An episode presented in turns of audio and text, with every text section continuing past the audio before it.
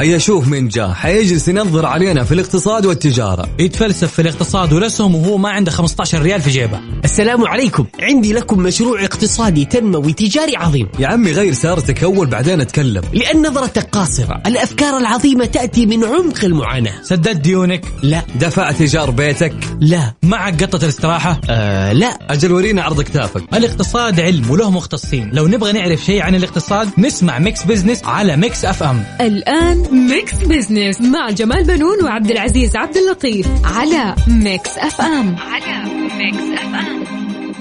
Mix Business مع جمال بنون وعبد العزيز عبد اللطيف على Mix FM. على Mix FM.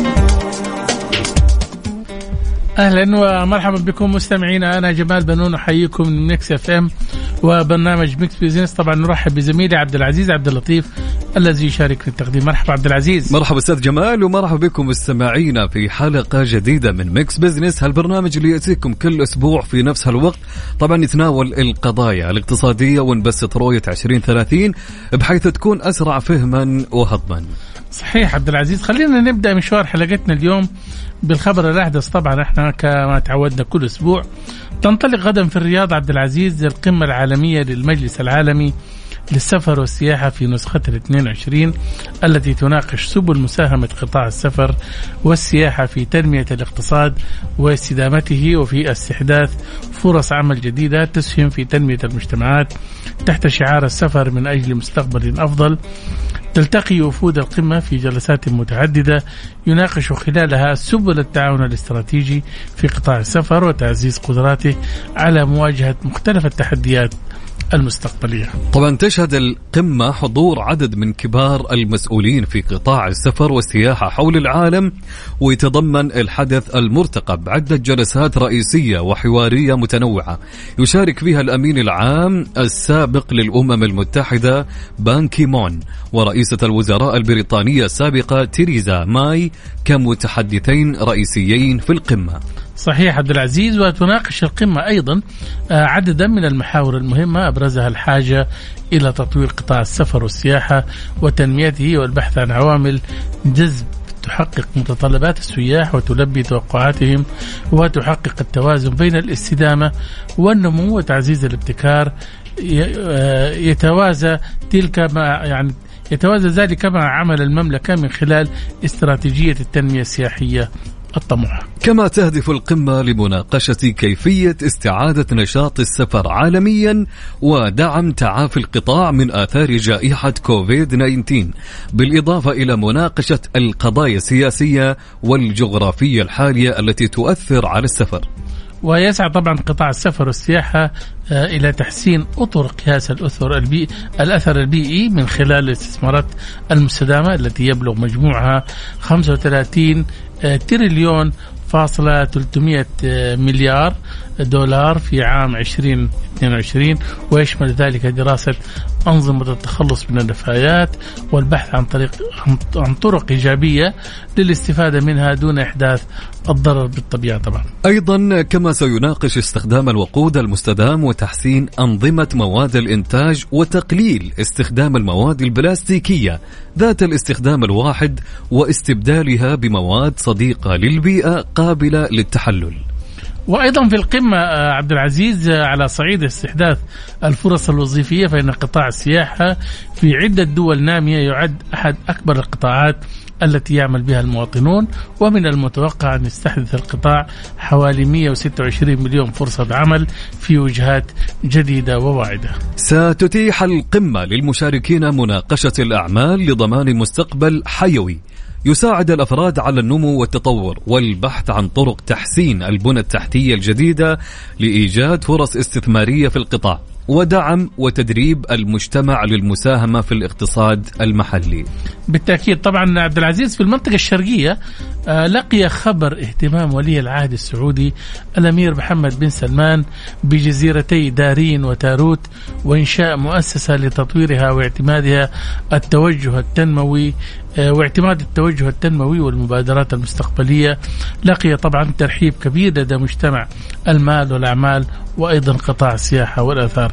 وتضمنت موافقة ولي العهد ورئيس مجلس الوزراء تخصيص ميزانية تقديرية بقيمة مليارين و644 مليون ريال تهدف المؤسسة للارتقاء بجودة الحياة وتنمية الناتج المحلي وذلك من خلال الاستفادة من الميزات النسبية للجزيرة في النواحي التراثية والبيئية والسياحية بما يسهم في تحقيق التنوع الاقتصادي.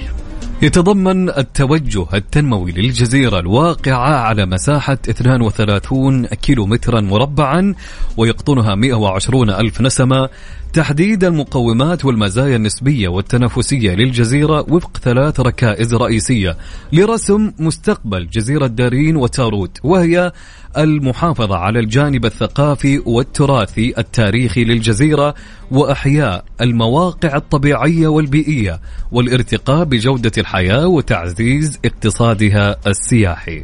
طبعا عبد العزيز من المتوقع أن يحدث اعتماد التوجه التنموي اثرا اقتصاديا واجتماعيا كبيرا في المنطقة خلال المساهمة في الناتج المحلي الإجمالي بمتوسط يصل إلى 297 مليون ريال سنويا وزيادة عدد السياح وصولا إلى مليون و360 ألف آه، سائح طبعا بحلول عام 2030 وتوفير آلاف الفرص الوظيفية بالإضافة إلى تخفيض ما يصل إلى 48% آه، من مساحة الجزيرة للساحات والحدائق العامة والواجهات البحرية والطرق والمرافق.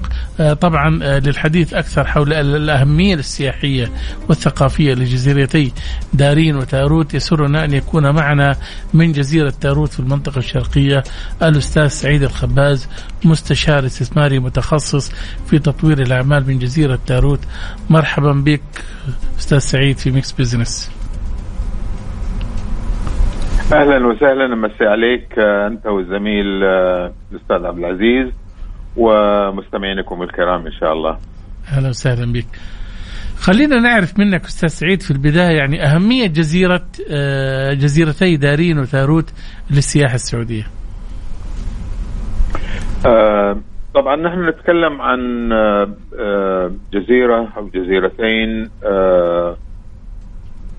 ضاربة في في القدم من حوالي 5000 عام وفيها آثار تراكمية. يعني يعتقد أنه أسست في زمن العبيديين وهذا الكلام يعني له له أربعة خمسة آلاف عام الآن.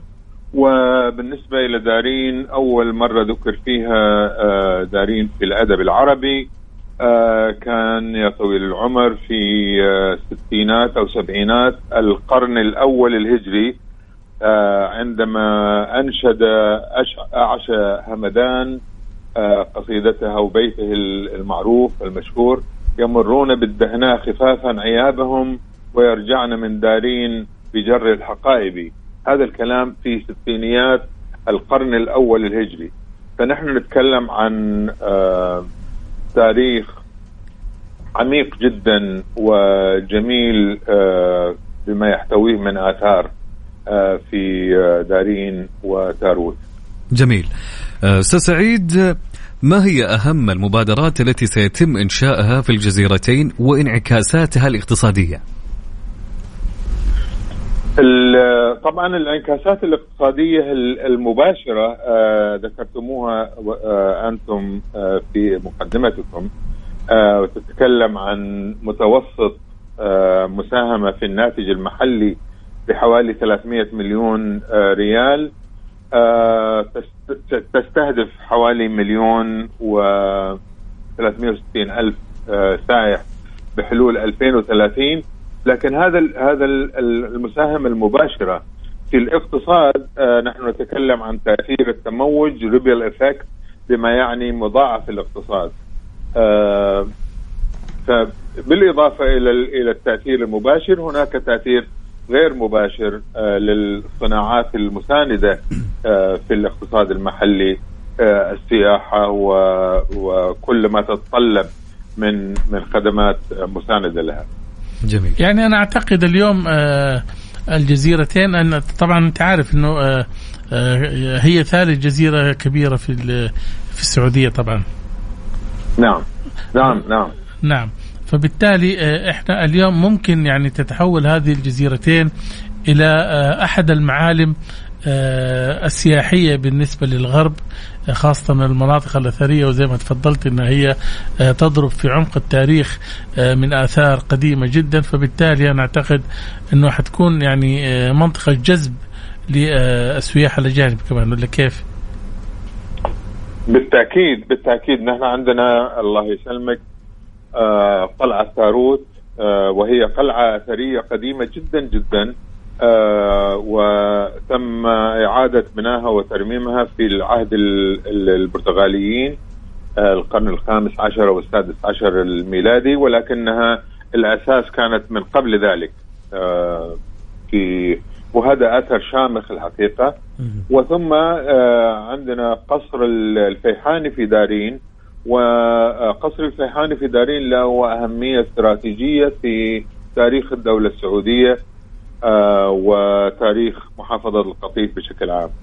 نعم. خليني أسألك حاجة بس كذا كمعلومة بسيطة. الآن اللي بده يروح من المنطقة الشرقية لتاروت أو لدارين إيش هي الطرق هل هي عن طريق البر ولا لازم الواحد يركب يعني آه، سمبوك ولا يركب مركب ولا إيش بالضبط؟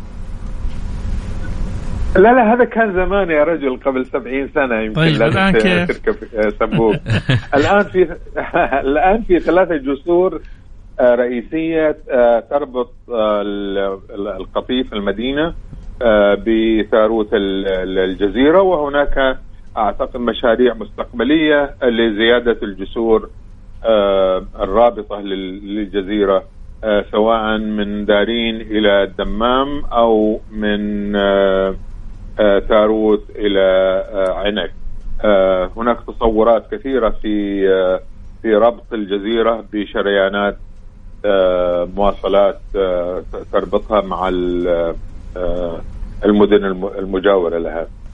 فأمورنا طيبة الحمد لله. و يعني المواصلات سالكة. والجسور واسعة ومتميزة الحقيقة. جميل. أستاذ سعيد سيتم ضخ مليارين و600 مليون كيف راح ينعكس هذا على المشاريع في الجزيرتين في دارين وتاروت؟ أنا أعتقد إنه المليارين المليارين و600 مليون 600 مليون ريال آه هذه آه رأس مال تأسيس آه مؤسسة تطوير جزيرة آه دارين وتاروت. آه إنما ال ال آه وهي تست أو تهدف إلى استقطاب الاستثمارات للمشاريع المعلنة آه، أو المتصورة في في الجزيرتين. فالمليارين هذه أعتقد إنها رأس مال المؤسسة فقط. نعم. طيب انت انت ممكن يعني تشوف انه آه، هذه الجزر ممكن تتحول يعني حتضم متاحف ومراكز ثقافية؟ طبعا طبعا. يعني احدى المشاريع المستهدفة هي إنشاء آه، أكبر غابة مانجروف في في الخليج في الخليج العربي. ويبنى آه، في آه، ضمن هذه الغابة نزل وفنادق وبوليفارد المنجروف وهذا طبعا يعني أنا أوعد أم رمزي إنه بدل ما نروح المالديف نستأجر واحد من النزل هذه في وسط غابة المنجروف ويكون شهر عسل متجدد. هذه شكلها دعوة مبطنة للعرسان الجدد. آه، طبعا. طبعا طبعا. نعم. وهذا وهذا شيء جميل الحقيقة. يعني أنا لما أرى أشاهد الصور اللي نشرتها آه، هيئة تطوير المنطقة الشرقية عن آه، تصوراتها لمستقبل الجزيرة. نعم. آه شيء الحقيقة آه يدعو للفخر والاعتزاز بالفعل نحن إن شاء الله نترقب آه المشروعات المهمة لهذه الجزيرتين. أستاذ سعيد انتهى وقتنا. شكرا لمشاركتك معنا. شكرا لكم سيداي ولكم التوفيق إن شاء الله. مستمعينا كان معنا الأستاذ سعيد الخباز مستشار استثماري متخصص في تطوير الأعمال من جزيرة تاروت في المنطقة الشرقية.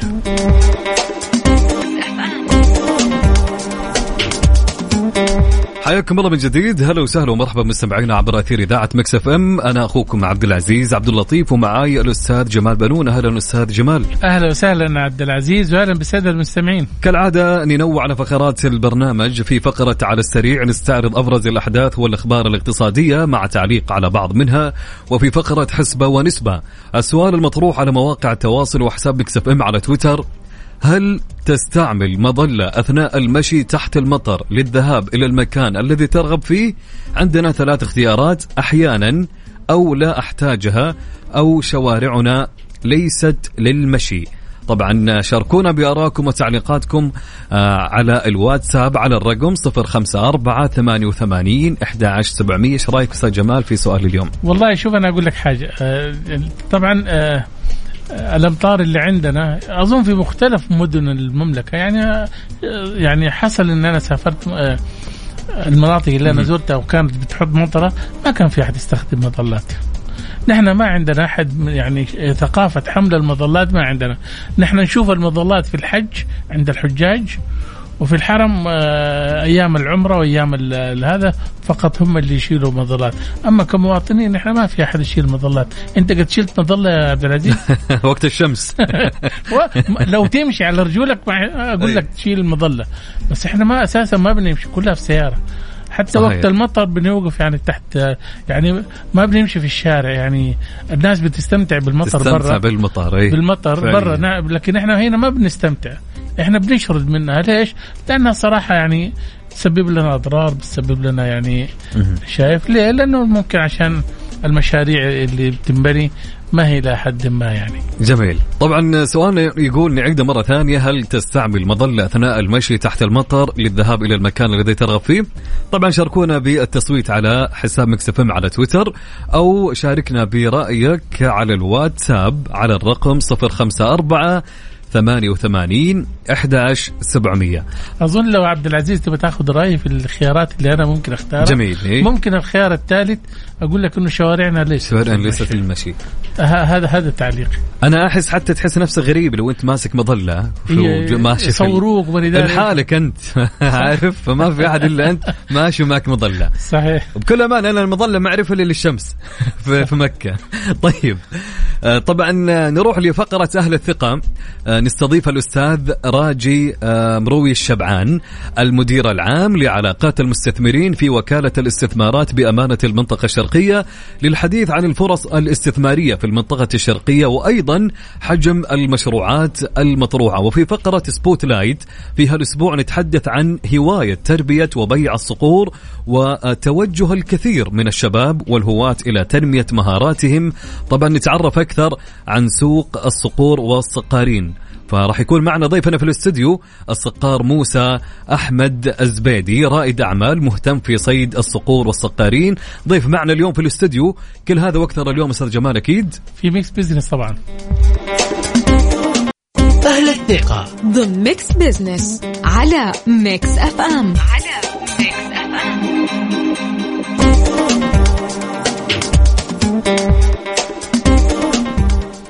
عدنا لكم من جديد مستمعينا في Mix Business طبعا معي زميلي عبد العزيز عبد اللطيف. مرحبا بك عبد العزيز. مرحبا أستاذ جمال ومرحبا بالمستمعين. أهلا وسهلا. طبعا عبد العزيز تساهم أمانة المنطقة الشرقية في تحريك تنويع النشاط الاقتصادي في المنطقة من خلال طرح المشروعات الاستثمارية أمام القطاع الخاص وأيضا جذب استثمارات محلية وعالمية. ومن فترة إلى أخرى طبعا تطرح أمانة المنطقة الشرقية العديد من الفرص الاستثمارية. اليوم طبعا آه، نتعرف على أهم هذه الفرص وما هي حصة رواد الأعمال وأيضا المشروعات التي تشكل إضافة مهمة للاقتصاد السعودي. للحديث طبعا أكثر آه، يسرنا أن يكون معنا من المنطقة الشرقية الأستاذ راجي مروي الشبعان المدير العام لعلاقات المستثمرين في وكالة الاستثمارات بأمانة المنطقة الشرقية.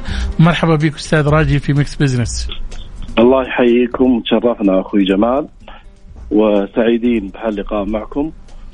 وتفضلوا الله يحييكم إحنا جاهزين في أي استفسار أو بما يخص آه، استثمارات المنطقة الشرقية. أهلا وسهلا. أنا حابب أعرف منك آلية ترسية المشروعات الاستثمارية أو أكثر المشروعات الاستثمارية التي تجد اقبالا من قبل القطاع الخاص.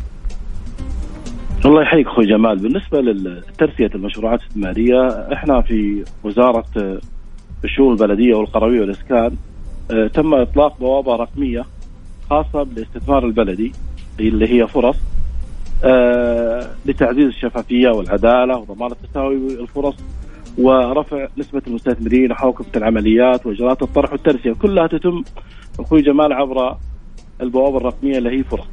وهذا يساعد على سهولة وسرعة إجراءات الترسية وارتفاع العوائد الاستثمارية مشيئه الله ولاحظنا الفترة الأخيرة قفزة في الإيرادات وتضاعف نتيجة توسع دائرة المنافسة بين المستثمرين ونوعية المشاريع وجارين في العمل ولله الحمد الأمور كلها من أفضل إلى أفضل جميل أستاذ راجي آه، ما هي آلية ترسية المشروعات الاستثمارية؟ الآلية طال عمرك هو المستثمر بنفسه يدخل على آه، يتم طرح المشروع في فرص ويحدد مساحته والموقع ويدخل المستثمر آه، الكترونيا يقدم أوراقه كلها والمتطلبات والوثائق المطلوبة وتتم بطريقة إلكترونية تطبيق. نعم فبالتالي أنا بس بدي أعرف اليوم منكم يعني أستاذ راجي آه، أبرز المشروعات يعني إيش هي؟ هل هي الترفيهية ولا هي الحدائق والمنتزهات المسارح ولا غيرها؟ والله إيش بالضبط؟ حقيقة يعني اغلب الأنشطة الأنشطة التجارية اللي هي طال عمرك المطاعم والكافيهات المحطات المحروقات المستودعات والمخازن. يجي بعدها طال عمرك الأنشطة الرياضية والترفيهية اللي هي الحدائق والمنتزهات والنوادي الرياضية. أيضا الأنشطة البيئية وتدوير النفايات في الفترة الحالية اللي إحنا يعني نحاول نسهم في الحفاظ على البيئة. ويكون في تنمية مستدامة في الموضوع هذا ففيها إقبال إن شاء الله وفيها عوائد استثمارية للمستثمرين جيدة. بعدها ممكن يجينا أنشطة النقل اللي هو نقل البضائع ومواقع التحميل والتنزيل اللوجستيك بشكل عام آه، له دور في الموضوع هذا وله مستثمرين وإقبال. بعدها يجي الأنشطة التعليمية والأنشطة الخدمية إيش هي الأنشطة التعليمية الفرص الاستثمارية فيها؟ الأنشطة التعليمية نوادي تعليمية وأحيانا آه، المراكز التعليمية الاستثمارية في شتى مجالاتها أخوي جمال. نعم. جميل جدا. أستاذ راجي كيف هي العلاقة بين القطاع الخاص وأمانة المنطقة الشرقية؟ إحنا في في المنطقة الشرقية من آه، أمير المنطقة صاحب السمو الملكي الامير سعود بن نايف إلى سمو نائبه صاحب السمو الملكي الامير أحمد بن فهد بن سلمان إلى معالي الأمين المهندس فهد الجبير آه، إلى وكيل الاستثمارات لدينا المهندس حمدان العرادي. كلنا ننظر هم حريصين كل الحرص أن ننظر للمستثمر كشريك عمل وشريك تنمية دائم. إحنا ما ننظر ان أن ناجره موقع ونستثمر معه لأجل نحصل منه مبلغ. إحنا حريصين على استمراره وعلى تقديم الخدمة وعلى رفع مستوى جودة الحياة في المنطقة. وأيضا عندنا الآن بعض المشاريع حتى لو كان فيها إيراد عالي. يكون عندنا فحص فني للمشروع. إيش الفكرة الموجودة؟ هل هي تخدم المجتمع؟ لها علاقة في في أحيانا في القطاع الثالث اللي هو القطاع غير الربحي. إحنا حريصين على المواضيع هذه كلها. ف ولله الحمد يعني آه، لدينا نعم. مستثمرين مميزين ونوعيين. ولله الحمد. نعم. طب خلينا أسألك الآن يعني رواد الأعمال والأسر المنتجة آه، والصغيرة هذه لها نصيب في المشاريع اللي أنتم بتطرحوها؟ إيه طبعا لها زي إيش؟ آه، إحنا إحنا فيه آه، مبادرات تخص رواد الأعمال. هم صغار رواد الأعمال. دائما في أي فعاليات كبيرة. إحنا حريصين إن نهيئ لهم مواقع ونعطيهم يعني أحيانا بأجارات رمزية. أيضا عندنا التاجير المؤقت اللي هو من يوم إلى 90 يوم. هذا يخدم الأسر المنتجة وصغار رواد الأعمال في جميع آه، تخصصاتهم سواء في في المخيمات في الأسر المنتجة في آه، هو 90 يوم يسمى تاجير مؤقت. وغالبا ما يستفيد منه اللي هو الأسر المنتجة وإحنا نسميهم صغار رواد الأعمال. جميل جدا. أستاذ راجي انتهى وقتنا المخصص لهذه الفقرة. شكرا لمشاركتك معنا في برنامج Mix Business أسعدنا تواجدنا معكم. وإحنا نعتبركم آه أنتم اللي توصلون الرسالة للمستفيدين عشان إحنا نرفع جودة الخدمات ونستمع من المستثمر أو المستفيد إيش اللي يبغاه. وإحنا كلنا في خدمة هذا الوطن الغالي. يعطيك العافية. شكرا لك يا أستاذ راجي. هلا وسهلا. الله يحييك. مستمعينا كان معنا الأستاذ راجي مروي الشبعان المدير العام لعلاقات المستثمرين في وكالة الاستثمارات بأمانة المنطقة الشرقية.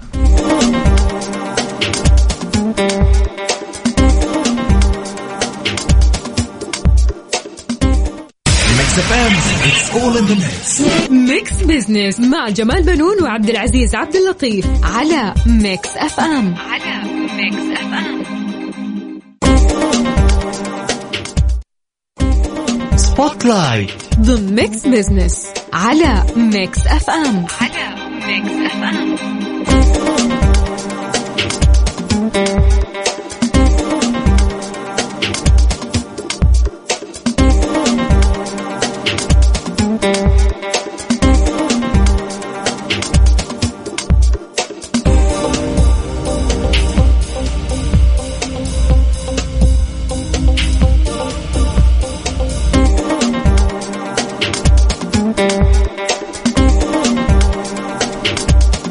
حياكم الله من جديد. هلا وسهلا مستمعينا عبر أثير إذاعة Mix FM. أنا أخوكم عبد العزيز عبد اللطيف ومعي الأستاذ جمال بنون. أهلا أستاذ جمال. أهلا وسهلا عبد العزيز وأهلا بالسادة المستمعين. الصيد بالصقور هو أحد أكثر جوانب التراث الثقافي تميزا بالسعودية.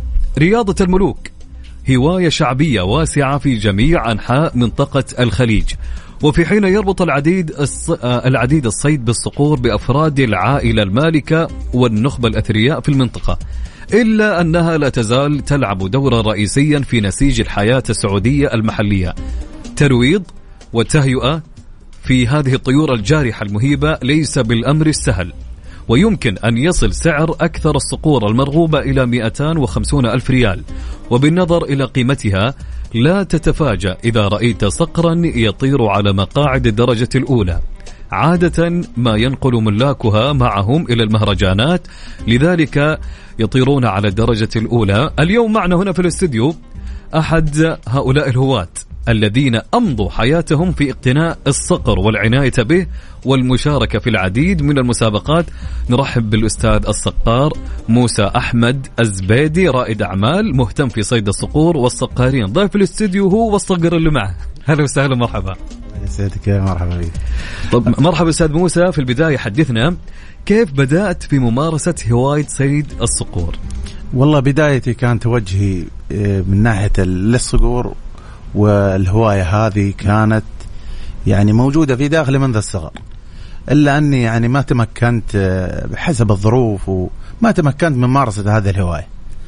آه، بمجرد آه، يعني شكيت ظروفي الواحد من أقاربي وكذا فقام الله يجزاه خير أحب أوجه له تحية الأستاذ محمد الفليت قام أعطاني سيارة عام 24 كان تقريبا من عمري 18 سنة. فأعطاني سيارة جيب موديل 84 فقمت أقنص عليها. ومارست هذه الهواية. تقريبا ثلاث سنوات ظلت معي هالسيارة. لمجرد ما توظفت وامتلكت سيارة. فانطلقت عام 27 الانطلاقة الأولى والقوية. والحمد لله الآن اعتبر لست بالدرجة الأولى. وإنما يعني فاهم وعارف وأعي وأتقن هذه الهواية. يعني أنت يا موسى آه كم كان عمرك لما أخذت أول صقر؟ أول صقر كان عمري ال 21 سنة. أيامتها يعني معليش على هذا السؤال. إحنا يقول لك اللي ما يعرف للصقر شوي. أيه. أنت كنت في البداية كنت جديد.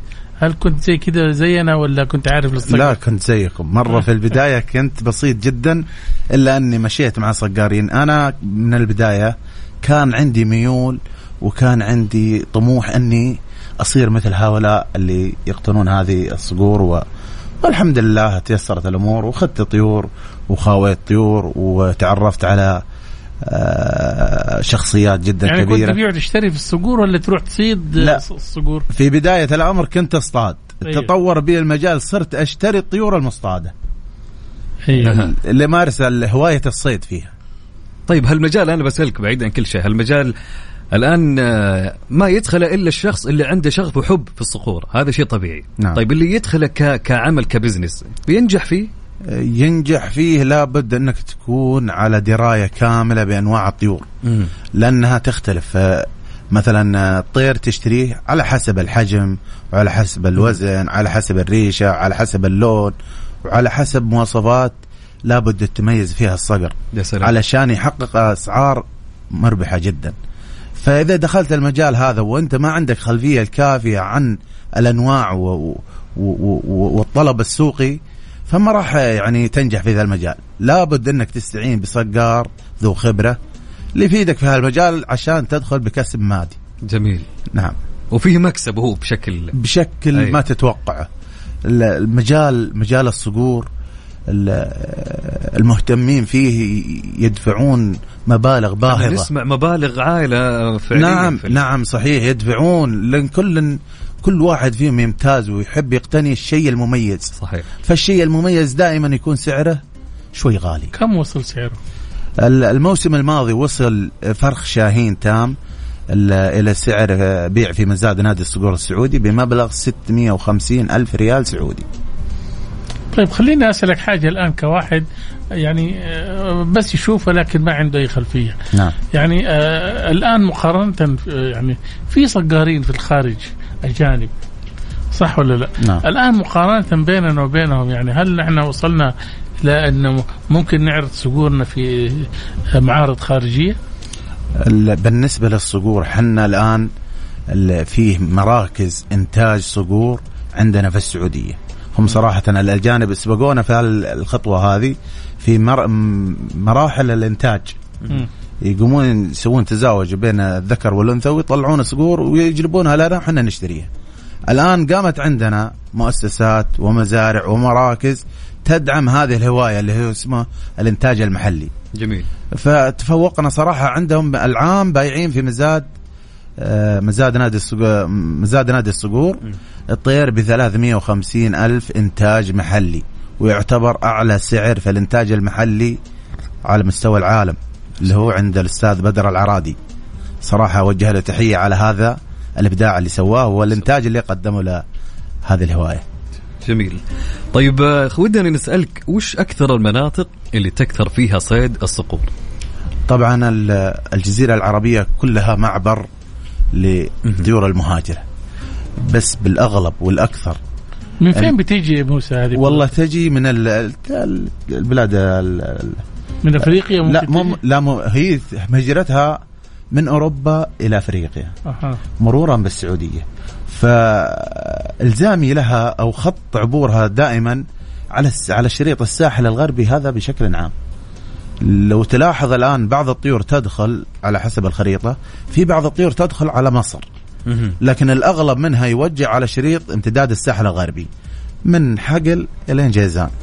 هذه قبل ال social media قبل ال- ال- التطور هذا الحاصل كانت المنطقة يعني حتى وسائل تواصل ما في اجتماع- اجتماعي ما في والتليفون ما في.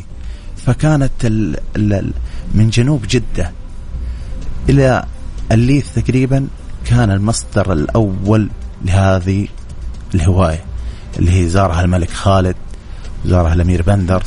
وصراحة كانت أعداد فائقة قبل قبل أهل المنطقة أنهم يكتشفون هذا الكنز اللي عندهم. فكانوا يطرحون الطيور المميزة والطيور النادرة وفترة الموسم هذا فترة الهجرة. فيشيلونها ويروحون يقنصون فيها.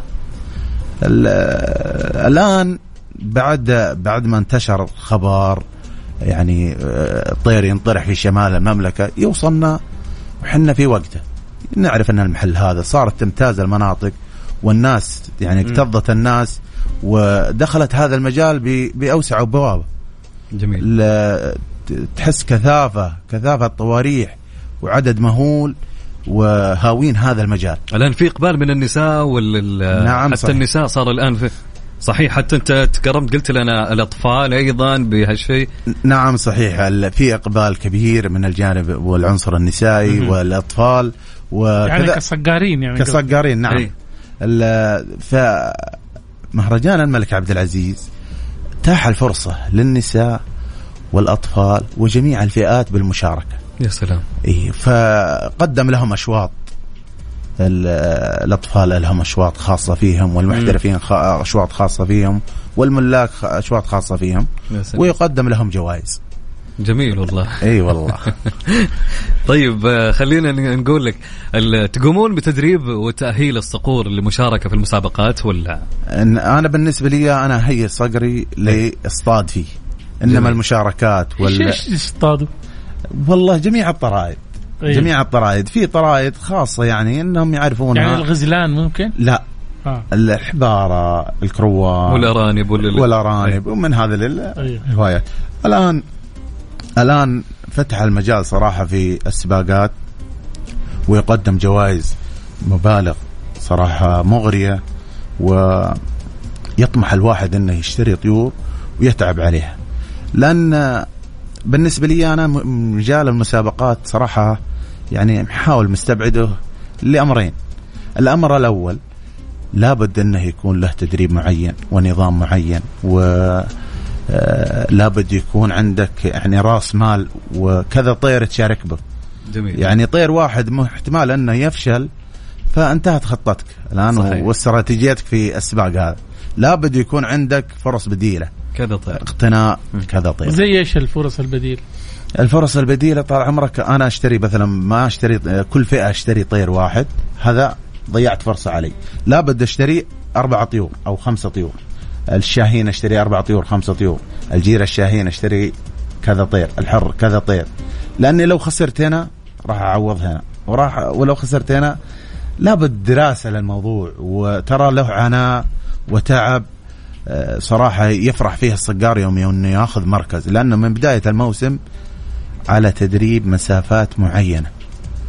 وكل يوم باستراتيجية وكشفية علاجات وتغذية وصراحه جهد يبذلونه نعم. فما يحصل على المركز هذا إلا واحد قد تعب قبل. صحيح. طب خليني أسألك موسى طب يعني أنت في- في نادي الصقور يعني أنتم كأعضاء مثلا مم. إيش هي ال- إيش بيقدم لكم النادي؟ نادي الصقور السعودي اولا قبل نتكلم عن نادي الصقور أنا أحب أشكر خادم الحرمين الشريفين الملك سلمان بن عبد العزيز وسمو ولي العهد الأمير محمد بن سلمان. وسمو آه، سيدي الوزير الداخلية. على دعمهم لهذا الموروث. ال- صراحة نادي الصقور السعودي قدم الشيء الكثير للصقارين والطواريح بشكل عام. بداية من المعرض الدولي للص- للصيد والصقور اللي هو آه، جلب الصقور للإنتاج الدولي. وعرضها في هذا المعرض. والشيء الثاني تقديم مسابقات بشكل آه، في كل ويكند للصقارين. والشيء الثالث مزاد نادي الصقور للطير الوحش اللي هو دائما نسمع بالأسعار هذه فيه. طبعا الطير ينطرح في المنطقة الفلانية سواء في أي منطقة من المملكة يكونون في أعضاء. في كل منطقة في أعضاء. يقومون يجهزون ال- الطير يجونه الأعضاء اللي عنده يجهزوا له طير ويشيلونه بتذكرة. يقدموا له تذكرة طيران وفندق سكن فندق في الرياض على مستوى عالي وتلبية جميع احتياجاته. يا سلام. من شالوه من باب بيته لين يرجعونه باب بيته. ما شاء الله. حتى محفظة ما يشيل معه. كل شيء ملبى له. فالله يجزاهم خير قدموا الشيء الكثير. وبعدين يجيك مهرجان الملك عبد العزيز اللي هو الأكبر على مستوى العالم مم. اللي دخل موسوعة جينيس مرتين على التوالي. ما في مهرجان مثله. فيقدم مبالغ صراحة وجوائز للمتسابقين آه، يعني مغرية جدا. المركز الأول في المزاين سلام. 300 ألف المركز الثاني 200 ألف ريال المركز الثالث 100 ألف ريال. فهذا لابد لابد القائمين على النادي صراحة أنهم يشكرون. ودعم هذه الهواية صراحة على مستوى عالي وكفاءة عالية جدا. جميل. فالشكر موصول لهم جميعا. طب أنا عندي سؤال أخير بس. بالنسبة لبرقع الطير هذا دائما اشوفه يلبسون الصقور. وش السبب؟ بما أني مبتدئ يعني وعطنا يعني قول لنا ليش اشرح لنا. طبعا برقع الطير هذا أي. علشان يقفل عيونه. سبحان الله يمر من عندك أي شيء. في قوم يخافق الطير ويكسر نفسه. هذا حفاظا له علشان يكون هادي. مثال لو انت أستاذ عبد العزيز لو ان قفلنا عيونك حطيناك في محل هل تستطيع التحرك؟ أكيد لا. بتثبت محلك. إحنا نحتاجه إنه يثبت محله. الحين أنا معك أنا خايف إنه يقوم. هو هناك بالزاوية. لا هذا هذا في بداية الأمر أي. لابد أن نحرص بشكل آه، دوري عليه من ناحية البرقع. لكن حاليا الآن بإمكاني اني افرع عنه وتشوفه وتنقله عادي لأنه شيء طبيعي. الآن مجرد ما أفكه يدور فريسه يصطادها أوكي. إي الحين. جميل. عشان كذا نخلي البرقع عليه. طيب جميل جدا. أستاذ موسى والله الوقت معك ودنا يكون ساعة ساعتين ثلاث ساعات. الله والله الحديث معك شيء أنا سعيد جدا في استضافتكم لي في إذاعة Mix FM. والله يعطيكم العافية وشكرا على التفاتاتكم لهذا الموروث صراحة. الله يس... واجب علينا أكيد. مستمعينا كان معنا الأستاذ الصقار موسى أحمد الزبيدي رائد أعمال مهتم في صيد الصقور والصقارين. ضيف معنا في الاستديو.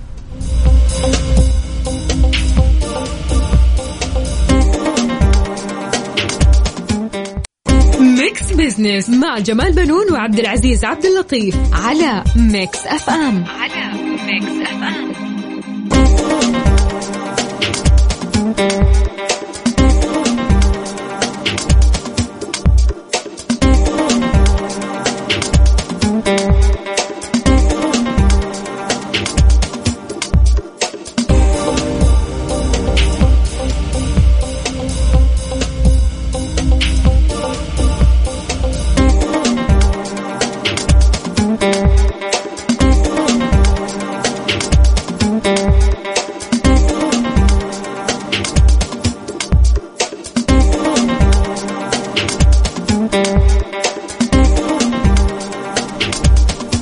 الله من جديد. هلا وسهلا ومرحبا مستمعينا عبر أثير إذاعة Mix FM. أنا أخوكم عبد العزيز عبد اللطيف ومعه الأستاذ جمال بنون. أهلا أستاذ جمال. أهلا وسهلا عبد العزيز وأهلا بالسادة المستمعين. طبعا في فقرة حسبة ونسبة والسؤال المطروح هل تستعمل مظلة أثناء المشي تحت المطر للذهاب إلى المكان الذي ترغبه؟ طبعا عندنا ثلاث اختيارات أحيانا أو لا أحتاجها أو شوارعنا ليست للمشي. عندنا تعليق أستاذ جمال. خلينا نسمع. من أبو عبد الملك من الخبر. تحياتي لأبو عبد الملك. هلا وسهلا ومرحبا. آه، في إسطنبول وتركيا وسيول وكور في كوريا وبالي في إندونيسيا وكوالالمبور في ماليزيا. أخذت هالمظلة من ال concierge في الفندق. ما أتذكر كان عندنا مظلة في البيت إلا تجيني هدايا أيام الحج والزيارة لما كنت في بيت الوالد الله يرحمه في المدينة. أنا كنت أقول أبو عبد الملك فعليا أنا بالنسبة لي ما أعرف إلا وقت الحج وفي مكة عشان نعم. الشمس. صح. لا وفي كمان معلومة ثانية أضيفها لك وللسادة المستمعين. آه عادة شركات التسويق الشركات الكبيرة آه تسوق لعلامتها التجارية. شايف؟ آه فتلاقي أنت مثلا في الحرم آه لون معين لشركة معينة مرفوعة. هذه طبعا بتوزع هدايا للحجاج والمعتمرين. فبالتالي المظلات هذه والشمسيات اللي تشوفها مثلا في, الظهر مثلا أو العصر مثلا آه عند الحجاج بألوان معينة. وسباق يعني مين أكثر شركة تترفع الشمسية حقتها وتصير أكثر دعاية عرفت؟ جميل. فبالتالي الشركات بتوزع المظلات هذه مجانا طيب أستاذ موسى بما انه معنا فكان سؤالنا يقول تستعمل المظلة أثناء وقت المطر ولا لا؟ إحنا عاد قلنا أغلبنا لا إحنا ما يلا نعم. نبي المطر إحنا نعم صحيح. أنا والله ما استعملها لأن صراحة فرحة المطر فرحة عجيبة. أكيد. فمستحيل إني أحط مظلة ولا أمنع.